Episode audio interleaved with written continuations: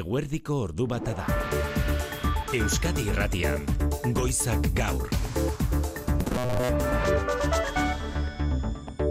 Arratxalde guztioi, arnaz aparatuko virusen intzidentzia aurreko urteen antzekoa da, oraingoz Euskal Herrian, ezer nabarmentzekotan, gripea urten zertxo bait lehenago iritsi dela, hori da epidemiologoak nabarmentzen ari direna. Nola nahi ere ikusi beharko da zer gertatzen den, datorren astetik aurrera, herritarrugari lanera, eta ikasleak eskolara itzultzen diren unetik aurrera, hor, une horretatik aurrera, joko baituko ja intzidentziak, ala azaldu gaur Euskadi Erratiko Faktorian, miren basaraz mikrobiologoak. Bi aste hauetan lanera jende asko joan gabe egon dela, ikastetzetara joan gabe egon dela e, ume asko, eta orain datorren astetik aurrera hori hasiko dela. Eta horrek normalean ekartzen duena ere da jarraitzea transmisioa modu eraginkor batean. Hospitale eta ambulatorioetan edarki nabari da egunotan, gripe, COVID eta bestelako virusen eragina, eta baita neurri batean botiketan ere, donostian, grosauzoko botika baten aurrean dauraitxe, jokin aierre gara ilankidea jokin arratsaldeon. Arratxaldeon Donostiako botiketan antzematen da arnaz infekzioen intzidentzia, bereziki gripearena eta koronavirusarena farmazilariek adierazi digutenez. Jaiak eta gero, azkenen COVID pila badago, gripe pila bat, de hecho, testak COVID eta gripeko testak irunak adi joaztenak ez daude momentu hontan, salgai. Ospakizun egunak medio COVID-19 eta gripe antigeno test bikoitzak amaitzen ari dira botiketan eta hauen hornidura etena da une honetan. Bien bitartean kalean ia musukorik ez dugu ikusten eta farmazilariek diotenez bezeroek ez dituzte erosten eta gehiengoak erabiliere ez dituzte egiten. Jasoko ditugu albistegi honetan, gaur goizean botika inguruetan jaso ditugun testigantza eta iritziak. Gainerakoan, igotzal korta, arratsaldeo. Baita zuri ere inigo. Errepidez beharrez berrogeita bos lagun, hildira amaitu berri den urtean Euskal Autonomia Arkideguan, 2000 eta hogeita bikoa baino bat gehiago da horik, eskatzeko datua gipuzkoakoa izan da, ia bikoiztu egin baita lurralde honetan hildakoen kopurua. 2000 eta hogeita bian, emezortzi pertsona hil ziren gipuzkoako errepidetan, iaz hogeita maika. Bizkaian eta araban aldiz jaitsi eginda hildako eta zaurituen kopurua. Ez beharren atzean ez dago arrazoi bakarra, baina eguneroko ibilbideetan izaten diren despisteak edo mugikorren erabilera ipatu ditu Estibaliz Olabar jaularitzako trafiko zuzendaria. Que seamos conscientes de que no hay que beber cuando se conduce, pero que no seamos conscientes de que se puede mandar un mail o no se puede mandar un mensaje en eh, o, o, o, un WhatsApp. Alkola bezain arriskutsua da mugikorren erabilera dio Olabarri. Hildakoetatik amaika motorzaleak izan dira erkidegoan, 2008an eta Espainiar estatuan hildako motorzaleko puru handitu dela ikusita aldaketak iragarri berri ditu DGTek. Kasko integrala eta eskularru homologatuak derrigorezkoak izango dira aurrerantzean motuan ibiltzeko eta gidabemena izan arren ikastaro bat ezarriko dute baldintza jakin batzuetan. Garraio publikoa bestalde datorren otsailaren erdialdetik aurrera ostera erdi prezioan izango dute Araba Bizkai eta Gipuzkoako herritarrek txartela edo zein izan da ere jeltzalek eta sozialistek atzera egin ostean gaur ari dira erabaki hori berresten. Gipuzkoan egin dute bilera goizean Bizkaian ordu honetarako dago deituta. 2024 urte osoan izango da prezioa murriztuta, hori bai, otsaila erdira bitarte gehiago ordaindu beharko da eta hori bereziki Bizkaiko garraiotan sumatuko da pertsonalizatu gabeko txartel kopuru handiena bertan dagoelako. Leiaren euska lagintaritzaren txosten batek bestalde berretsi du guztiok patriketan sumatu duguna, alegia 2000 eta hogeita batetik oinarrizko elikagaien prezioa nabarmen igo dela. Aipatutako epean esnea ia uneko berrogeita mar garestitu da. Arrautzak uneko berrogeita bi, ogia uneko emeretzi eta arraina uneko emezortzi. Hori bai, leiaren agintaritzaren arabera, faktore makroekonomikoek eragin dituzte igoera horiek, hau da, ez dute leiaren aurkako portaeren zantzurik aurkitu. Jaiona berasturi leiaren euskal agintaritzako teknikaria. E, gure asmoa momentu zan, ea evoluzio hortan distortzio den bate da, agertu itzen bat, ez dugu holan nabarian e, ikusi olako problemaen bat egon leikela. Eta nazioartean gazatik gaur iritsi zaigun datua, zazpi mila pertsona desagertu direla gazan urriaren zazpian Israelek lurraldearen aurkako erasoaldia abiatu zuenetik. Nazio batuetako erakundeak eguneratu duen datua da, kopuru horri erantxe egin behar zaio gazako osasun agintariek zenbatutako hildakoen biktimen kopurua hogeita bi mila eta irureun. Bien bitartean tentsio giroa areagotzen ari da Israel eta Libano arteko mugan, Hezbollah miliziak Israelen aurkako amar eraso bere gain hartu ditu, eta Iranen bestalde atzoko atentatuaren inguruko ikerketak aurrera jarraitzen du, larogeita laura etxi dute agintariek hildakoen kopurua, herrialdeko presidenteak Israel jo du errudun. Errepide sare nagusien ez dugu aparteko eragozpenik, trafiko arduradunek esan digutenez, eta eguraldiaren berri jasonaiko genuke gaur ere, nahiara barredo eskalmeta arratsaldeon. Kaixo, arratsaldeon. Izan ere badator pixkanak aldaketa, ez da? Bai, gaur gauerako gehien bate, ordura arte, bueno, odeiekin jarraituko du, ostarte batzuekin ere bai, eta temperatura nahiko suabe izango da ipar partean batez ere. Egoaizea oraindik nahiko zakar dabil, baina arratsaldeak aurrera eginala indarra galduko du. Indarra galduko du. Eta esan bezala, eh, aldaketa gauean espero dugu. Fronte bat iritsiko da, haizeak ipar mendebaldera egingo du eta euritara joko du. Eta aldaketa horren ondorioz, nahiara ikusi berri dugu agintariek abisu horia ezarri dutela, euri eta kaskabar arriskuagatik Bizkai eta Gipuzkoa kostaldean, baita Nafarroa iparraldean ere, eta elurragatik batez ere Alban eta Pirineoetan, bihar erregen kabalkadak ere izango direnez gainera, zer espero duzu, prezipitazio handia? Bai, euri dezente egingo du, eh? Aterruneren bat izan dezakegu goiz partean, baina orokorrean zaparrada giroa nagusituko da iegun osoan, eta iparri aldean gainera zaparradak handiak izan daitezke, eh? Guarditik aurrera batez ere. Horrekin batera, temperatura dezente jaitsiko da, beroenak bihar ez dira amaika edo amabi graduti pasatuko kostaldean, eta zortzi bederatzi gradu ingurutik barne aldean. Gora horrekin, elur maila ere jaisten joango da, egunak aurrera eginala, eta azken orduetan, ba, bederatze metro inguruan koka daiteke. Bihar zehaztuko dugu, baina giro makurra hau astebururako bai, ezta? Hori da bai, prezipitazio ugari asteburuan eta igandean hotz pixka bat gehiago. Ederki ba, Kiroletan Jose Maria Paola Arratsaldeon. Arratsaldeon, Inigo. Ligako bi futbol partida gaur Euskadi irratia. Osasunak eta atletikek dute partida gaur pasako dute Espainiako futbol ligan tarteko helmuga. Osasunak bostetan, sadarren Almeriaren aurka, eta barregarria litzateke partida galtzea horixe irabazi nahi du baiago barrasatek. Zergatik barregarria Almeria delako Espainiako ligaren historia zabalean, lehen itzuli txarna egin duen hirugarren taldea. Oraindik ez du partidarik irabazi garitan oren taldeak. Lan handiagoa dauka atletikek Sevillaren zelaian jokatu beharko du. Zazpiak eta laurdenean hasita. Eta horrekin batera saskibaloia epatu beharratako, aurtengo Euroliga erakusten ari den orekaren eta alkar hautsi ezinaren marka ikusgarri hori. Atzo Baskonia irabazi eta hala ere ezin amaikagarren postutik aurrera egin. Zazpi talde daude amarna garaipenekin berdin dut. Kirol legez saio ordu bat atardietan Euskadi irratian eta kultur lehioa zabaltzerakoan, ordubi terdietan, manu etxe sortu arratsaldeon. Kaixo, Inigo. Aurtengo musika jaialdiei begiratuko diegu, hasi baitira pixkanak asetasunak jakinarazten, esate Bai. baterako, Zeit Fest gaztea jaialdira etorriko diren taldeen berri jakin dugu gaur. Alaxe da, Zeit Fest gaztea, jaialdia, aprilaren amairuan bizkaiarena beken egingo dutena.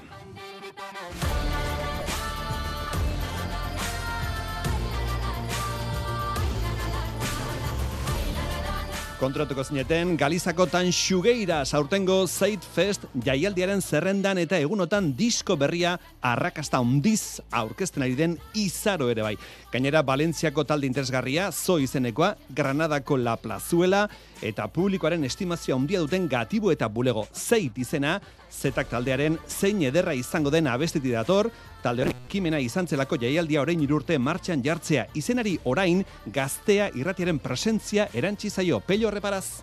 Zeitfestek helduleku bat izan nahi du eh, jendearen zat, jendearen itxarrapenari eh, eman nahi dio, ba bueno, hori, esan bezala, helduleku bat eta eta eta eta filosofikoki eta kontzeptualki eh, balore batzuk ditu, nik uste dut balio batzuk ditu, eh, bat egiten dutenak gaztearen balioekin. Eh? Orduan nik uste dut alde horretatik oso oso naturala izan dela eh, zeitfest eta gazteak eh, bat egite hori. Zeit Fest jaialdia inigo, aprilaren amairuan beken, sarerak salgai jadanik, zeitfest.eus atarian. Ederki urtarrilak laugarrena du gaurkoa, teknikan eta errealizazioan Julen San Martin eta Xabi Iraola ordu bata eta ia bederatzi minutu.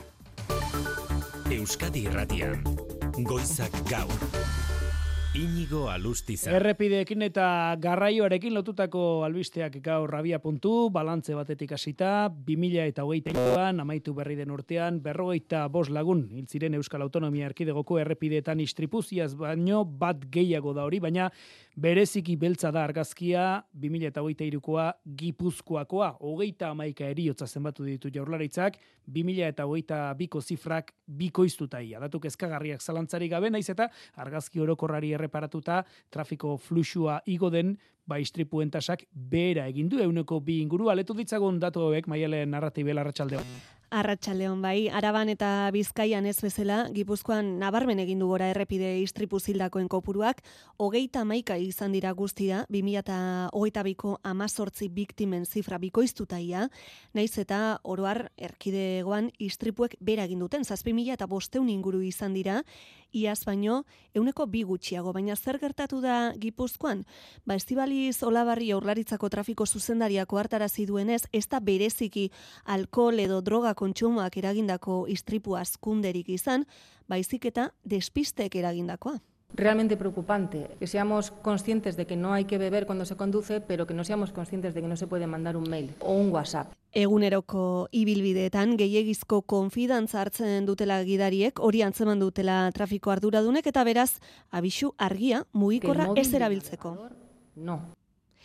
Datua kaletzen hasita kezka hildakoen ia erdiak hogeita bat direlako kolektibo zaurgarrietakoak, hau da oinezkoak, motorzaleak eta txirrindulariak. Eta horretan ere gipuzkoak du argazki ilunena. Amar motorzale hil direlako errepideetan, bat bizkaian eta bat ere zaraban.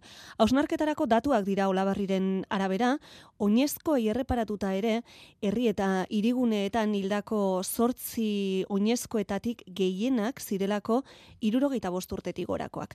Datuok eskuotan alere, beranzko joera egonkortu egin dela, hori nabarmendu dute jaurlaritzan, 2000 garren urtean, berreunda amazortze hildako zenbatu ostean. Moto gidari aipatu ditugunez, moto gidarien eriotza kopuruak Espainia estatu mailan gora egin duela eta DGT trafiko zuzendaritzak aldaketak iragarri berri ditu araudian eta aurten bertan behartu nahi ditu motogidari guztiak kasko integral edo modularra janztera, baita homologatutako eskularruak ere, eta ikastaroa beharko lukete eunda goita bost zentimetro kubiko arteko motorrak idatu eta B motako karnetarekin hiru urteko esperientzia dutenek, aldaketa hauen inguruko xeetasunak Madrilen Mikel Arregik Arratxaldeon. Arratxaldeon, ba Espainiako barne ministerioak eskatuta dago errepidetan izan diren istripuetako gehienak motozalekin zerikusia dutelako. Fernando Grande Marlaskak gaur, 2008ko istripuen datuek eskaini ditu, mila eunda berroita pertsona hildira estatuko errepidetan, beraietako ia erdiak, lareunda iruro eta iru motozaleak. Aurreko urtearekin alderatuta,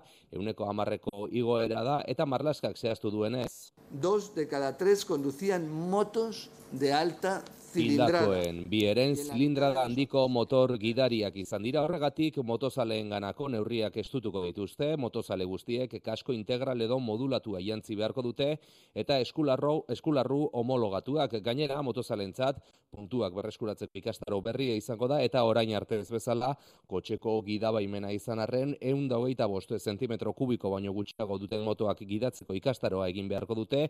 Hiru urteko esperientzia ez duten gidariek. Gainerakoan atzote kontatzen ari gatzaizkizuenez, Otxalaren herride aldetik aurrera, Araba Bizkai eta Gipuzkoako garraio publikoan euneko berrogei tamarreko beherapenei eutxiko zaie, barik mugi eta bat txartelak dituzten erabiltzaile orok salbuespenik gabe erdi prezioan izango dute garraioa urte osoan zer, esan bezala Otxalaren erdi aldetik aurrera.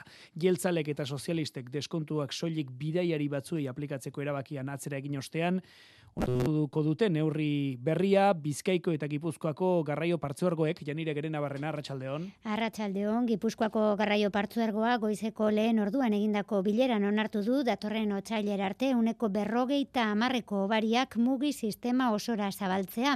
Garraio publikoaren erabilera sustatzen jarraitzeko asmoz, Espainiako gobernuak aplikatuko duen euneko hogeita hamarreko beherapenari euneko hogeia gehituko zaio gastu horren erdia jaurlaritzak hartuko du bere gain eta beste erdia operadore bakoitza Kasara Dominguez Gipuzkoako mugikortasun diputatua. Gaurko Gipuzkoako garraio agintaritzaren batzarrean hau batez berretzi ondoren erabiltzaile guztiek garraio publikoaz iazko baldintza berberetan gozatuko dutela baiestatu dezakegu. Unionetan bilduta dago Bizkaiko garraio partzuergoa erabaki berbera hartzeko hain zuzen ere lurralde honetan piztu da bereziki azken egunetan herritarren ezinegona eta mobilizazio horri esker erabaki atzera egitea lortu dela azpimarratu nahi izan dute gizarte eragile eta alderdi politikoek entzun urren esurren Odei Rodriguez eta Iker Casanova gizarte eragileen eta Bizkaiko EH Bilduren bosera maleak. Hau izan da, ba, herritarron presio eta mobilizazioari esker, beraz, garaipen hori gaur hemen ospatu nahi genuen, baina aldi berean salatu nahi dugu, laguntza hauek ez direla otzaia er, erdi alderarte martzen ipingo. Kezkagarria dela azken boladan garraio politiketan egondako hainbat akatz eta gora bera. Eta egoera horren atzean gure ustez izkutatzen da EAJak eta PSEek benetan ez diotela ematen garraio publikoari daukan zentralidadea Bizkaiko aldundiari bere garraio politikan eundalaro graduko aldak eta eskatu diote garraio duina, merkea, jasangarria eta langileen baldintzak errespetatuko dituena bultzatzeko. Gipuzkoako abanza autobus konpainiako langileek gaur egin duten salaketa ere bai, zaharkituta eta mantenimendu gabeko ibilgailuekin ari direla lanean maiatzean, joan den maiatzean, arrazoi beragatik deitu zuten greba eskeroztik, autobusek ez dutela ikuspek, ikuskapenik pasa eta egoera ez dela aldatu salatu dute, eta Gipuzkoako garraio diputatuari bere aldetik txofer eta bideiariek egunero jasaten dituzten arrisku egoerak publikoki eskutatu izana leporatu diote Ainara Ortiz. Gaur egun irurogeita amabi ibilgailu ditu abantzak Gipuzkoa osoan zerbitzua emateko eta horietatik gehienak zaharkituak eta arazoekin zirkulatzen dabiltzala salatu du Marijo Arza langile batzordeko kideak. Autobus hauek amabi urte bete ondoren erretiratu inbardie, hoi da aldundia eta enpresaren arteko akordio bat, baino ba, erabilera luzatu indot, erreti hau inbardienez, etzai behar dan e, mantenimentue. Ondorioz, txofer eta bidaiarientzat arrisku egoerak egunero gertatzen direla ohartarazi dute. Estresa izugarrie, jakinda, ez da bilela ondo esatizu ez ez junin beharrauk ezu. Hauain dela gutxi, autopistan autobus bati errueda soltau zitzaion, anibiliztan kotxe artetik, aztarra jo arte. Zenbait bidaiariren eskubide urraketak ere maigainean jarri dituzte langileek. Estamos dejando tirados a válidos. Porque el autobús que llega no le funciona la rampa. Y el que viene por detrás no tiene rampa. O no tiene llaves para poder abrir la puerta. Azaro amaieran abantzako komiteak Gipuzkoako garraio sailaren esku utzi zuen gehien errepikatzen diren matxura eta irregulartasunen zerrenda luzea. Arrezkero ez dutela erantzunik izan eta foru aldundiak euren azken bilera eskaera baztertu duela ere salatzen dute langileek. Era berean garraio diputatuari berriki gezurretan aritzea leporatu diote. Ba ez dala egie, abenduan behatzin azara hemen ezekindako adierazpen horiek. Egie ez tapatzeko, problemak ez die gutxitu. Egoera okerrea jarraitzen baldin bado, ba pentsatu inbarko dugu. Iazko maiatzean hiru eguneko greba egin zuten Gipuzkoako Abantza konpainiako langileek Ela Lap eta Aurrera sindikatuek deituta. Errepidetatik aterata leiaren euskal agintaritzak ez du espekulazio edo leiaren aurkako portaeren zantzurik aurkitu oinarrizko elikagaietan izandako prezio igoera. 2000 eta bateko urtarriletik iazko abuztura oinarrizko erosketa saskiak Euskal Autonomia Erkidegoan izan duen garestitzea aztertu du agintaritzak eta txostenaren ondorio nagusia da prezioen igoera ekoizpen fasean gertatu gertatu dela bereziki sisto iturria goitea. Aipatutako epean, 2008 bateko urtarriletik 2008 iruko abustur arte, esnea ia euneko berrogeita margarestitu da, arrautzak euneko berrogeita bi, behiokela euneko geita iru, ogia eta egaztiaragia euneko emeretzi, eta arraina euneko amazortzi. Kasu gehienetan, prezio igoera undiena ekoizpen fasean gertatu da, eta urrengo katebegietan apaltzen joan da, baina egon dira salbuespenak. Jaione aberasturi, azterketa gainbergi iratu duen teknikariaren arabera, azterketa espezifikoa egin beharko litzateke kasuz kasu espekulaziorik ez dela egon erabategi astatzeko, baina euren azterketan behintzat ez dute horren zantzurik aurkitu. E, gure asma momentu zan, ea evoluzio hortan distorzio den batea da, agertu itzen bazara eta gero distortzio horren arrazoiak eozioak e, aztertu. Ez dugu holan e, nabarian ikusi olako problemaen bat egon daikela. Mm Egon daiteke, baina e, datuak hori ez dut agertu. Prezio egoera hundienak 2008an gertatu zirela azaldu du aberasturik eta Estatu Espainiarrean izan dagoen oso antzekoak izan direla are gehiago, apur bat apalagoak. Hortik ere ondorio estatu du lehiaren agintaritzak, faktore makroekonomikoak izan direla prezio egoeren eragile nagusiak. Bereziki, Ukrainiako gerraren ondorioz lehen gaiak eta energia garestitu izana, eta horrekin batera, lehortea.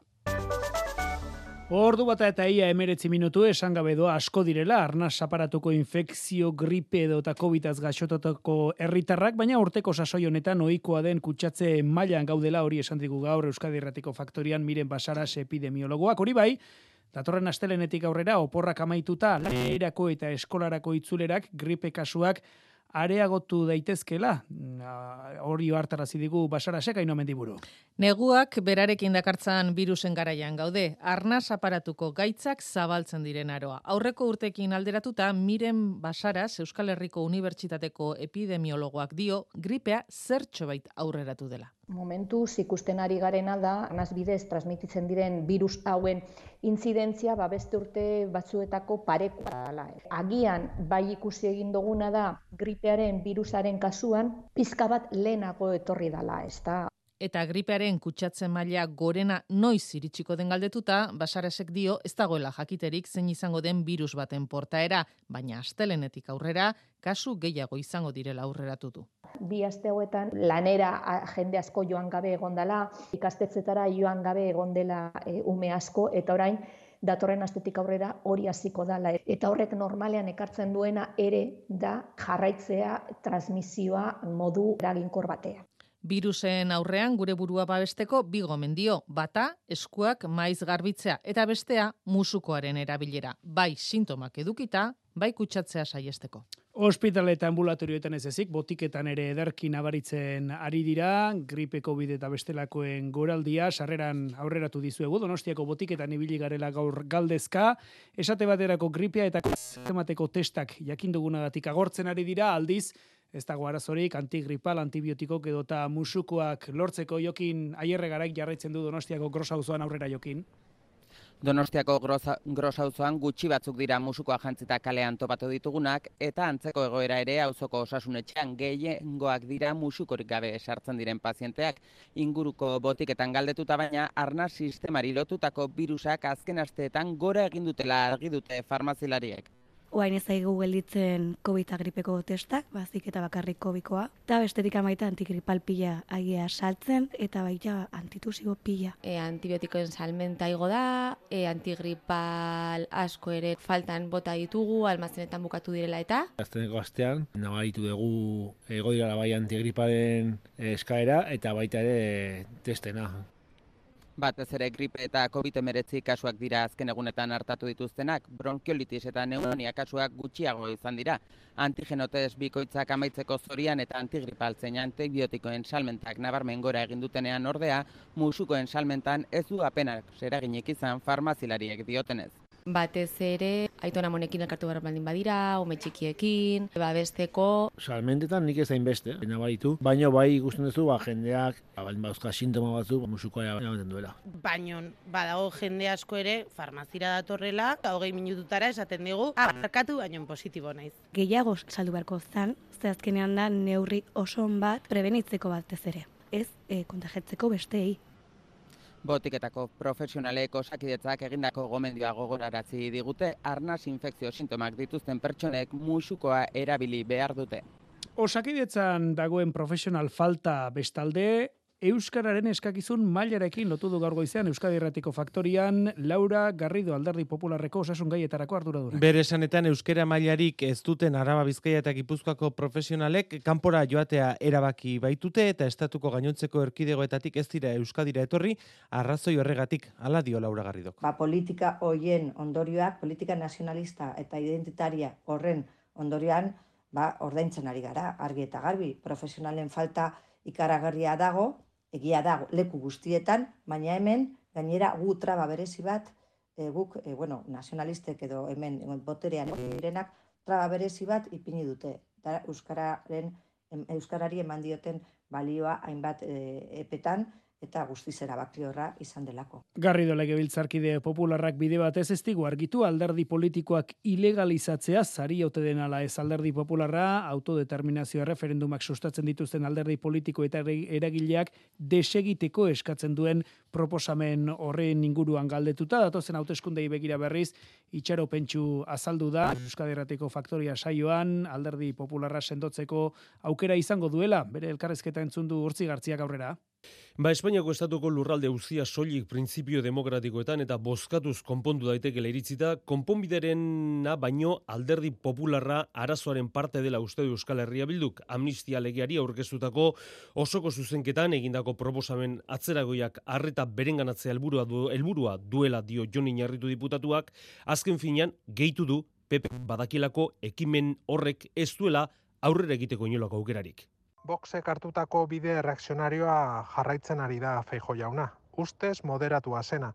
PPek jakin badaki ez duela sekula gobernatuko indar independentistok determinanteak garen bitartean. Horregatik utzi nahi gaitu legezkampo.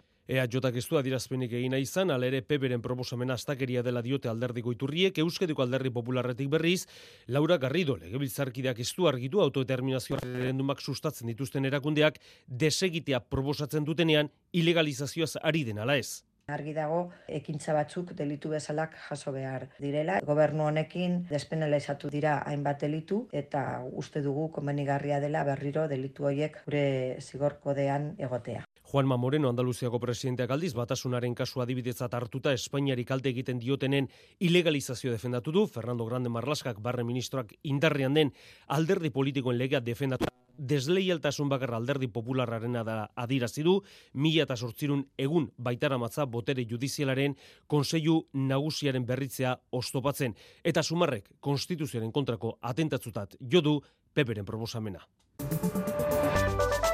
Ordu bat eta goita bos minutu nazio artean Iranen eunetik laurogeita laura jeitsi dute azken orduotan atzoko atentatuan hildekoen kopurua, baina edozein kasotan Errepublika Islamierra sortu zenetik eraso larriena izan joa egilitzaren inguruan, argibide gutxi, irasoen ondoren golen orduetan Israel seinalatu du Ibrahim Raisi presidenteak, baina zurtziari eutxine izan diote Irango gainerako goi agintariek landarri zagirre. Dolu eguna da gaur Iranen.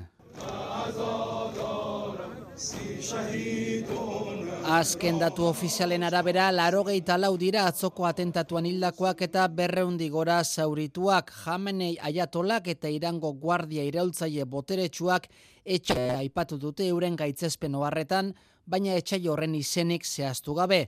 Parlamentuko segurtasun batzordeak ikerketaren zain egoteko eskatu du Ibrahim Raisi presidentearen hitz hauen ostean.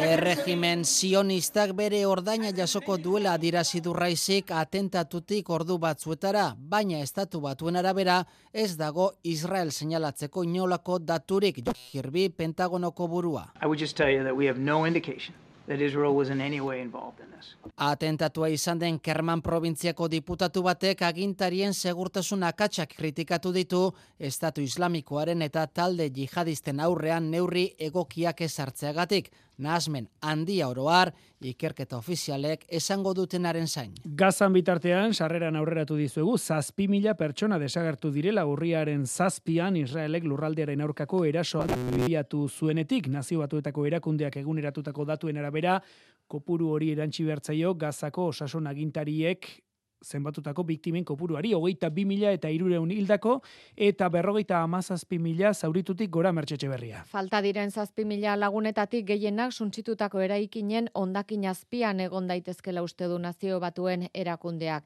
Nazio batuen erakundeko txostenak jasotzen du bestetik gazako populazioaren euneko lauro geita bostak barne desplazatu gisa abiatu duela urtea. Ia milioi bat lagun iritsi dira urriaren zazpitik, hegoaldeko mugatik gertu dagoen Rafa ingurura. Hain justu egualdean egin ditu Israelek erasori bortitzenak gazan azken orduotan, besteak beste familia bereko amalau lagun ditu Jan Junisen eta Palestinako gurutze gorriaren egoitza bombakatu du. Iparraldeko frontean bestalde tentsio giroa areagotzen ari da Israel eta Libanoren arteko mugan, Beiruten jamasen bigarrena hil ondoren.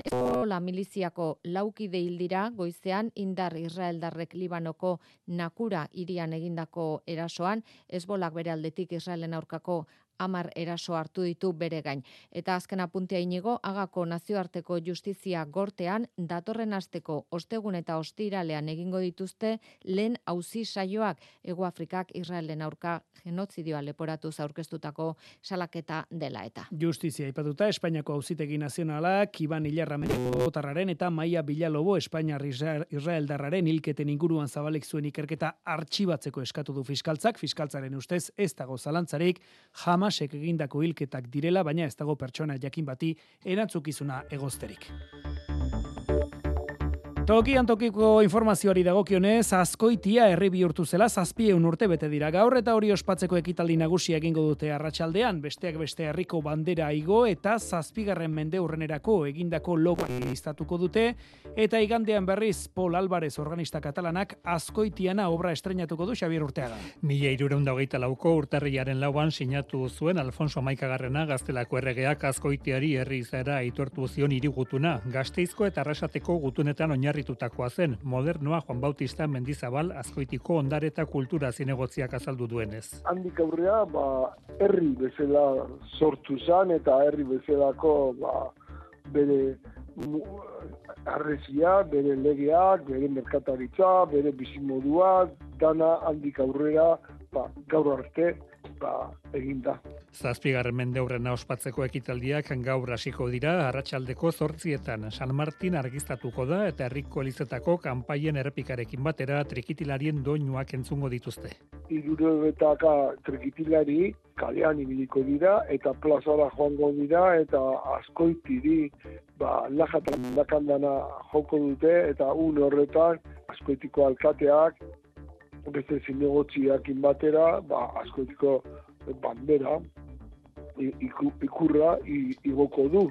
Urte horrenerako egin duten logotipoa argiztatuko dute ondoren, gaurtik aurrera, gainera Miguel Zubizarreta margolariaren erakusketa zabalik egongo da, eta igandean Pol Alvarez organista katalanak azkoitiana obra estrenatuko du. Azkoitia zizketan iritsi gara, ordu bat atardietara.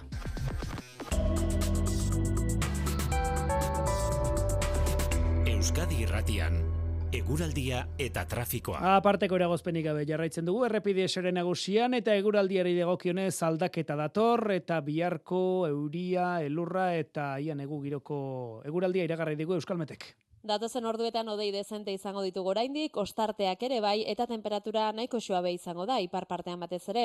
Egoizea oraindik ere zakar dabil, baina arratsaldeak aurrera eginala indarra galduko du. Aldaketa berriz gauean espero dugu fronte bat iritsiko da, haizeak ipar mendebaldera egingo du eta euritara joko du. Beraz, gauean euria, euria espero dugu eta prezipitazio izango da ondorengo unetan protagonistetako bat.